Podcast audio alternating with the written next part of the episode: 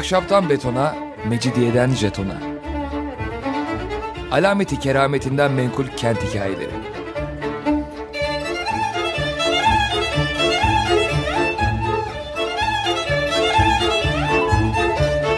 Hazırlayan ve sunan Pınar Erkan.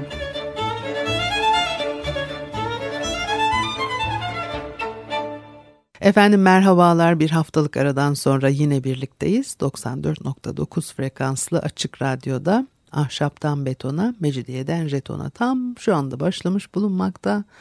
Anlatıcınız ben Pınar Erkan, elektronik posta adresim pinarerkan.yahoo.co.uk Bakalım bugün programımızda neler var. Şimdi 19. E, yüzyılın e, ilk yarısında şehri ziyaret etmiş olan e, General von Moltke'nin biraz gözlemlerinden size aktarmak istiyorum. E, öğretmenlik yapıyor. 1835 ila 1840 yılları arasında Türk e, ordusunda askeri öğretmen olarak çalışıyor. Bir de tahkimat uzmanı olarak çalışıyor. Sonra kendi ülkesine dönüyor. Askerlik hizmetlerine devam ediyor. Çok da parlak bir general o dönem içerisinde. E, e, şehir planlarını da çizmiştir kendisi ve İstanbul'da e, yaşadığı süre boyunca sonra Anadolu'yu da e, geziyor. E, bir takım gözlemleri var. Biraz felaketlerden söz edeceğim bugün hem o yangınlar bir de veba salgınından söz ediyor. Böyle enteresan bilgiler aktarıyor. Mektup halindedir bunlar. Ben de onlardan size anlatmak istiyorum çünkü hele bu e, veba konusu, salgın hastalıklar konusu bizim de programlarımızda neredeyse hiç söz etmediğimiz bir şey. Halbuki 19. yüzyılda e, çok e, salgın hastalıkların etkisiyle değişimler karşımıza çıkıyor. İlk başta ama biraz evlerin yapı tarzı, yangınlar onları da biraz beğenmemiş, küçük görmüş ama olsun. Çok tatlı adam Moltke ee, ki kış hazırlıklarımızı yaptık. Bunu da Kasım 1836 senesinde e, Büyükdere'den yazmış. E, tabii bu memlekette kolay bir şey değil bu diyor. İstanbul evleri hep tahtadan. Hatta padişahın büyük sarayları bile aslında geniş tahta barakalardan başka şeyler yapmış. Ahşap saray demeyi tercih ediyoruz biz tabii böyle tahta baraka e, pek olmadı ama neyse. E, taş bir temel üzerine ince kalaslardan zayıf, çoğu zaman pek yüksek bir iskelet kuruyorlar. Bunu e, tahtayla kaplıyor, içini sıvıyor, damı kiremitle örtüyorlar. Böylece kısa zamanda kocaman bir ev meydana çıkıyor. İnsanın adeta kibritten yapılmış diyeceği binlerce evin sık ve intizamsız bir şekilde birbirine sokularak bir mil karelik alanı kapladığı bir yerde yangının kudurganlığı kolayca tahmin edilebilir. Beyoğlu'nda taştan ve bütün pencereleri demir kepenkli büyük evler yapılmaya başlanmıştır. Fakat bunlar da sık sık yangına kurban giderler. Çünkü sadece böyle bir ateş denizinin sebep olduğu sıcaklık bu evleri içinden tutuşturmaya kafi gelir. İngiliz, Fransız sefaretlerinin güzel muhkem saraylarının tek başlarına bahçe içinde bulunmalarına rağmen e, tutuşması adeta akıl almayacak bir şeydir.'' Burada yangın söndürmek hemen hemen düşünülemez. Sadece çabucak, ta uzaklara kadar olan evleri yıkmak, bu tahrip edici tabiat unsuruna karşı onun yiyeceğini elinden almak suretiyle zayıf bir siper meydana getirilir. Fakat kuvvetli bir rüzgar bütün bu uğraşmaları da boşa çıkarır. Nadiren halk mallarının ancak bir kısmıyla en yakındaki camiye kaçabilir. Çoğu zaman canını kurtarmak bile mümkün olmaz. Evler Ensiz ve yüksek, merdivenler dar ve çürük. Gece yarısı yangın bağır, bağırtısı halkı korkuyla yataklarından fırlatır. Henüz en zorunlu olan şeyleri toplama henüz en zorunlu olan şeyleri toplamış toplamamışlardır ki sokağa ateş sarar. Başka bir kapıya koşarlar. Kalabalık dar sokakları tıkar, birkaç da dakika içinde etraflarını korkunç ateşin sardığını görürler. Burada yangın ne kadar korkunçsa özellikle kışın o kadar da kolay çıkabilir. Soba ancak birkaç Frank evinde vardır. Türkler, Ermeniler ve Rumlar mangal kullanırlar. Ve mangallar yer halısının üstüne, çoğu zaman da üstü yorganla örtülü bir masanın altına konur. Tandırı kastediyor. Bundan en ufak bir dikkatsizliğin bir yangın çıkarabileceği kolayca anlaşılır. Bu haller yüzünden kiralar haddinden fazla yüksektir. Çünkü bir ev yaptıran büyük bir ihtimalle 10-15 sene içinde sermayesinin kül olacağını düşünmek zorundadır. Tabii kiralar da buna göre hesaplanır. Öte yandan şurası da inkar edilemez ki burada ahşap evlerde oturmak daima rutubetli olan ve hiçbir zaman bunlar kadar güneşli, aydınlık ve ferah olmayan kagir evlerde oturmaktan çok daha rahattır diyor.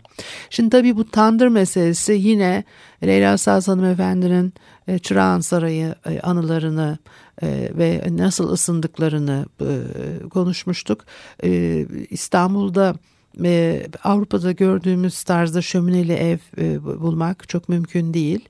Bu tandırı sıklıkla kullanıyorlar. Bizim de bugün hiç tabii alışık olmadığımız bize tuhaf gelecek bir yöntem o. Onun için o yangınlar sürekli çıkıyor. Bir de e, tabii saraylarda özellikle e, duvarlarda kumaşlar ağır kumaşlar asılı o e, bir taraftan da tabii e, ısıyı içeride tutmak için hani kullanılan e, bir e, yöntem. E, dolayısıyla e, her yer kumaş baktığınız zaman belki konutların içerisinde buna pek rastlamayız ama gene de hani ısıyı odalarda tutmak için kullanılan yöntemler hep yanıcı malzeme olduğunu görüyoruz. Bir de bu kagir niye kullanılmıyor? İşte tabii gene her şehrin yapısı, dokusu her zaman bana şaşırtıcı gelmiştir. 16. yüzyıldan başlayarak bakıyorsunuz Roma, ve biraz daha geç Londra ahşap yapı dokusunu tamamen kagire çeviriyor. Bizim de o dönemlerde daha çok kagir yapımız varken ahşaba e, dönmüşüz. E, e, çeşitli sebeplerle tabii oluyor bunlar. E, diyor ki burada güzel bir evin e, baş şartı dörtte üçünün pencereden ibaret olması. Bu da ancak ahşap bir evde sağlanabilir. Bak bu da başka bir şey. Tabii ışık alacak. Ama tabii o pencerelerin kullanılması da biraz cam üretimi e, ne zaman e, mümkün oluyor. 18. yüzyıldan sonra daha geniş e, açıklıklar geçilmeye başlanıyor. Her yer cam filan e, artıyor. Yani şehirde de öyle cam kullanımının arttığı bir dönem olarak da bu dönem karşımıza çıkıyor. E, mümkün olduğu kadar çok adanın her üç tarafından pencere bulunması için ev birçok girintili çıkıntılı köşeler meydana getirecek tarzda yapılır. Bizde ayna duvarları denen pencere araları burada dar bir tahta direkten ibarettir. Pencerelerin altında boylu boyunca geniş ve alçak sedirler uzanır. Dördüncü duvarlarda ise bir girinti vardır. Bunun ortasında kapı, iki yanında da büyük yerli dolaplar bulunur. İçlerinde gündüzleri şilte yorganlar saklanır. Geceleyin yerdeki zarif hasırların üzerine bunlar serilerek yatak yapılır. Pencerelerin alt kısımları kamıştan kalın kafeslerle örtülü. Kadınlar dairesinin pencereleri aşağıdan yukarıya kadar tamamıyla ya da hemen hemen tamamıyla kafesle kapanmıştır. Odada ne masa, ne sandalye, ne ayna, ne de avize var. Geceleri bizim kilise mumları gibi 3-4 iri mum doğrudan doğruya yere konur. Zenginlerin ve medeniyete kur yapanların evlerinde adi masa saatleri hem de çoğu zaman üçü dördü bir arada bulunur ama içlerinden bir tanesi bile işlemez. Yemekte yere küçük, alçak, arkalıksız bir iskemle konur. Üzerine büyük, yuvarlak bir tahta tepsi yerleştirilir. Zenginlerde daima tertemiz parlatılmış bir e, nevi pirinç kalkandır bu. Üstünde bütün yemekler birden bulunur. Önce leğen, ibrik ve zarif işlemeli peşkirler gezdirildikten sonra herkes yemeğe girişir.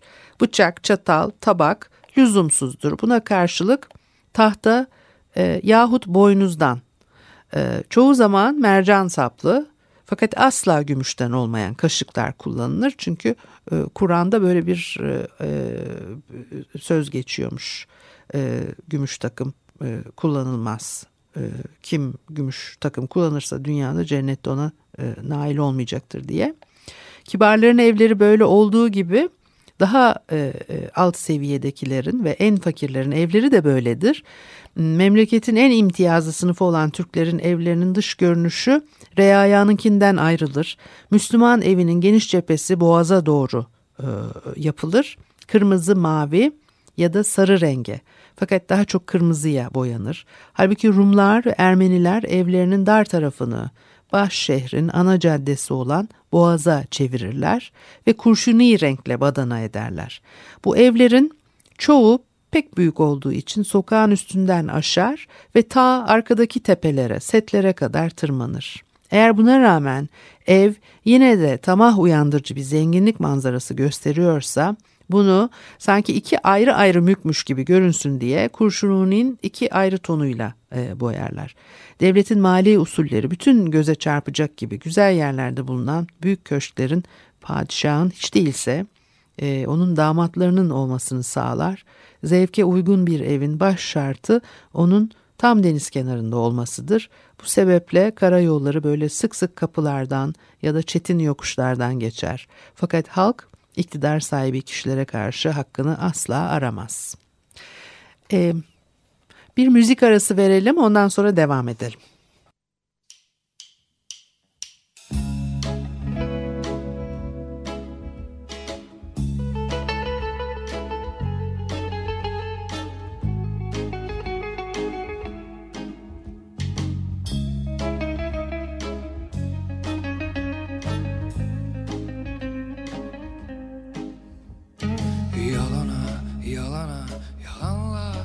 Yaşayana sor. Yastığa başını koyunca aklından geçenleri. İnsan, insan olduğu kadar var. Yoksa kim hatırlardı çoktan göçenleri? Dünya malı yalnız bir ömre kadar Yoksa giyer miydi ölüler cepsiz kefenleri? Kirlerinden sızanlar okyanus oldu Bu rüzgara dayanmaz gemin At çapayı derine sal tayfanı Al başını avucuna düşür. Utan, utan, utanmayan insan olur mu lan? Altın bir madalyon gibi taşınmalı vicdan Tek kıvılcımdan nasıl yanarsa koca orman Unutmazlar,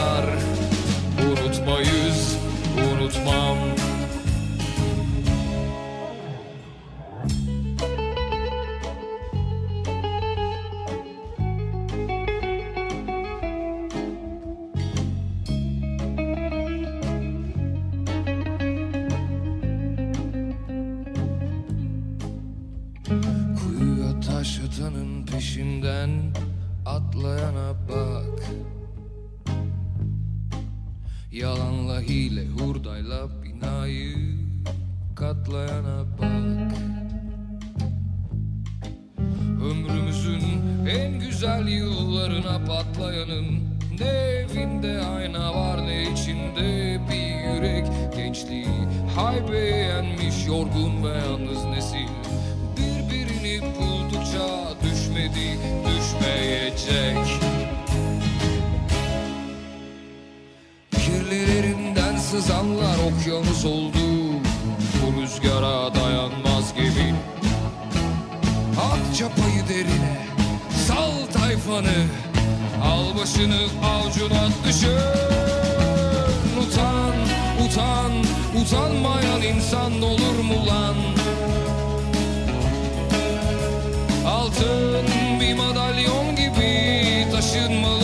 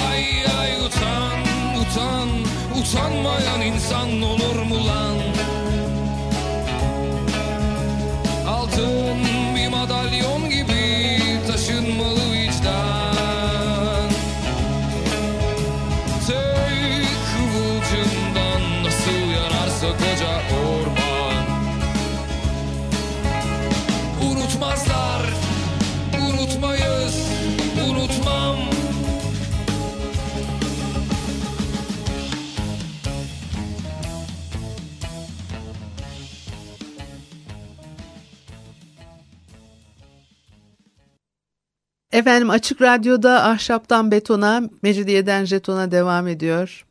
Pınar Erkan'ı dinlemektesiniz. Ee, ve o General Moltke'nin 19. yüzyılda yazdığı mektuplardan İstanbul'la ilgili e, evler nasıl olur, Ermeniler, Rumlar e, ne renge boyar, Rumlar, e, Türkler ne renge boyar. Biraz bunları konuştuk o şehirden. Biraz da bu veba salgınları e, çok önemli şehirde ve e, sadece veba değil tabii başka salgın hastalıklar da oluyor. Salgın hastalıklar sebebiyle şehir içi göç e, söz konusu e, ve e, tamamen e, kendi gözünden olayları nasıl değerlendirdiğini e, Moltke'nin e, göreceğiz. Şubat 1837 tarihinde yazmış bunları. Diyor ki İstanbul'un planını bitirdim. Muhakkak ki başka hiçbir baş şehrin sokaklarında burada olduğu gibi hiç rahatsız edilmeden çalışamazdım. Türkler harita diyorlar ve sanki zaten bundan bir şey anlamıyoruz der gibi sükunetle yollarına devam ediyorlardı. Bazen beli plançetamla muhallebici yani sokaklarda beyaz bir tablo üstünde tatlılar dolaştırıp satan bir adam sanıyorlardı. Bunun için de çocuklar benimle ahbap olmaya çalışıyorlardı. En meraklılar kadınlardı. Hem de burada Türkiye'de. Bunlar kağıdın üstünde neler olduğunu, zaten bunları görmüş olan padişahın bunun ne yapacağını, benim Türkçe, hiç değilse Rumca bilip bilmediğimi muhakkak öğrenmek istiyorlardı. Muhafızlarım buna hayır deyince bana kendisiyle ancak işaretle konuşabilen bir çeşit yabani gözüyle bakıyorlardı. Onların en hoşuna giden, belki de yasak olduğu için resimlerinin yapılmasıydı. Bundan kolay bir şey yoktur. Büyük beyaz bir peçe, bunun altından çıkan iki kara göz, bir parçacık burun ve enli çatık kaşlar. Eğer bunu taş basmasıyla çoğaltmış olsaydım her birine kendi portresi diye verebilirdim. Hepsi de bunu kendilerine pek benzer bulurlardı. Türklere nazaran rahatsızlık verenler Rumlar ve Yahudilerdi. Fakat çavuşumun sadece bir yasaktırı onları serçe sürüsü gibi ürkütmek için kafiydi diyor.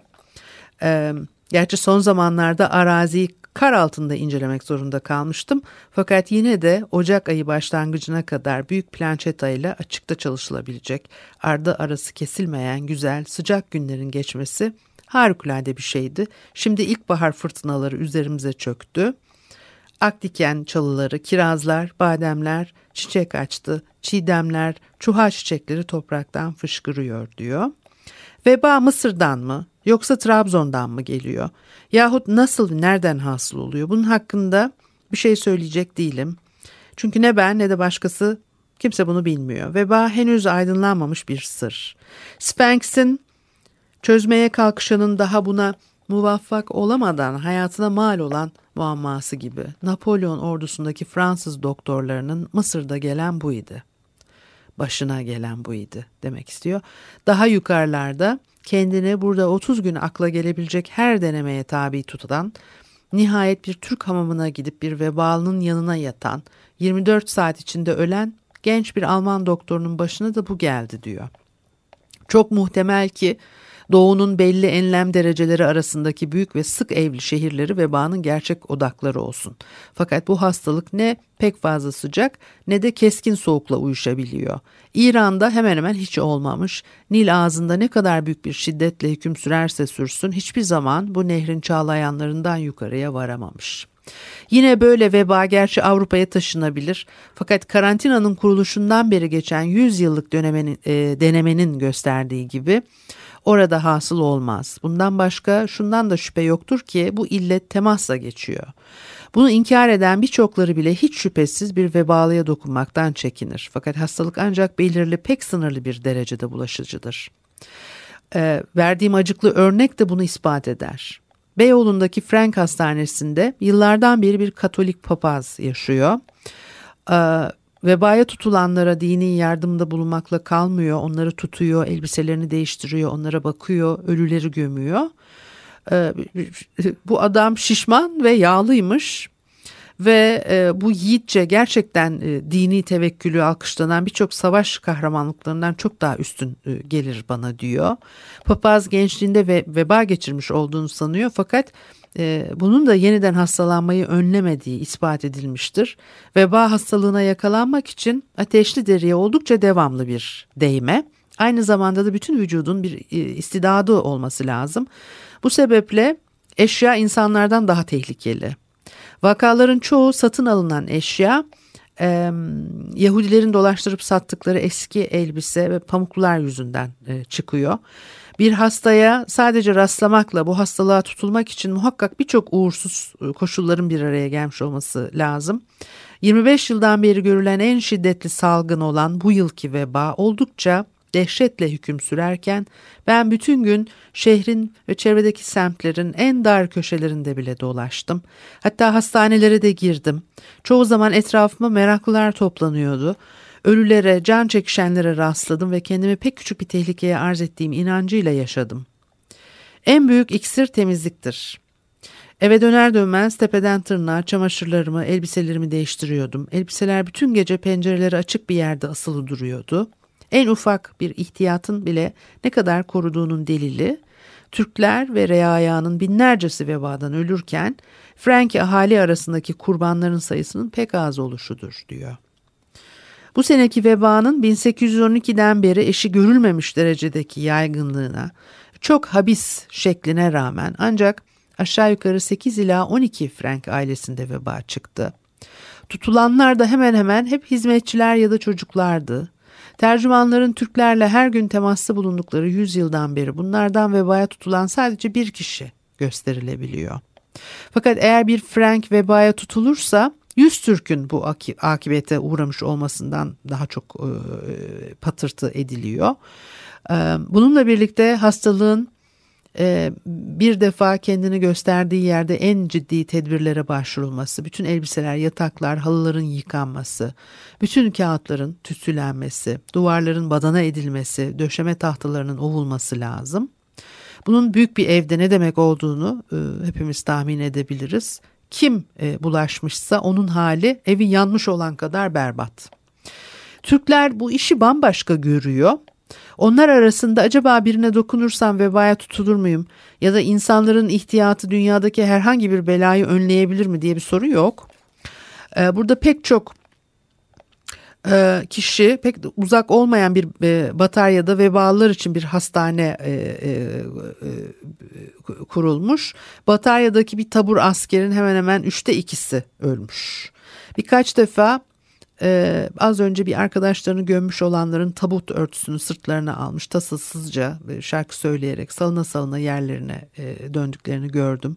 Orada ölenin mirasını aralarında paylaştılar ve büyük bir ihtimalle kendilerine üç defa 24 saat içinde ölümü getirecek olan bir ceket ya da pantolonu aldık diye çok sevindiler.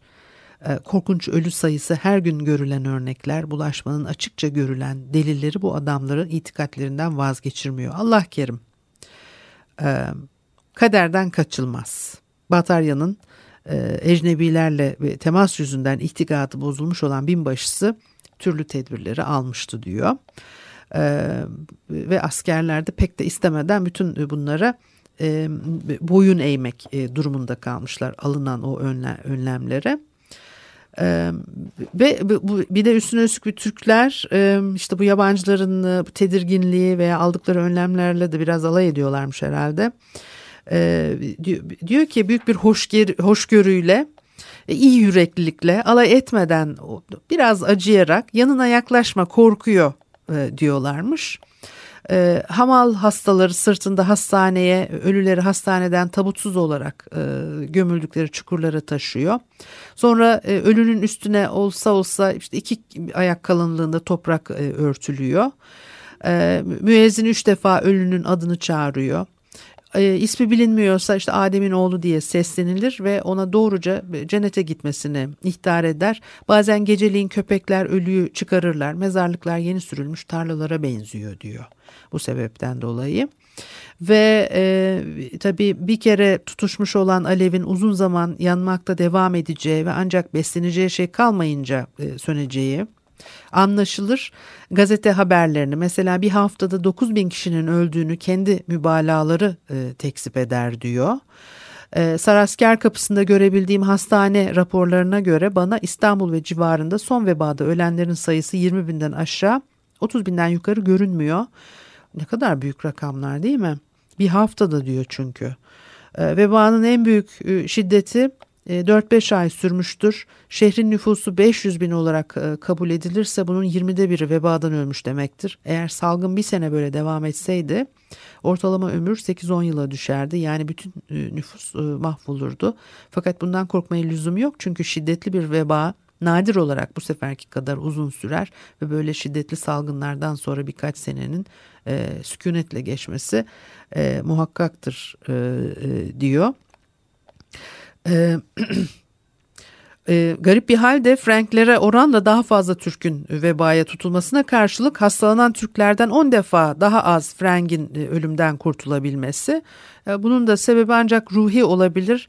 E, Türk vebaya tutulursa e, buna sabırla katlanır. Tutulmadığı müddetçe de tamamıyla onu bilmezlikten gelir. Adını söylemez. Olsa olsa hastalık der. Çünkü belanın adını söylemek onu çağırmak demektir diyor.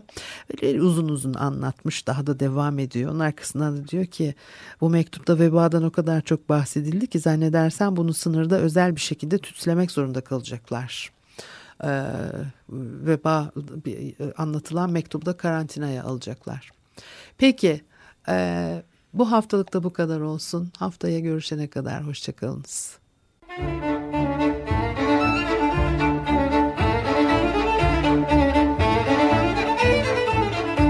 Ahşaptan betona, mecidiyeden jetona. Alameti kerametinden menkul kent hikayeleri.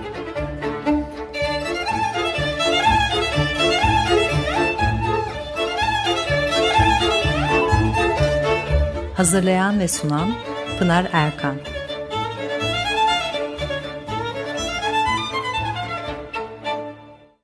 Açık Radyo program destekçisi olun. Bir veya daha fazla programa destek olmak için 212 alan koduyla 343 41 41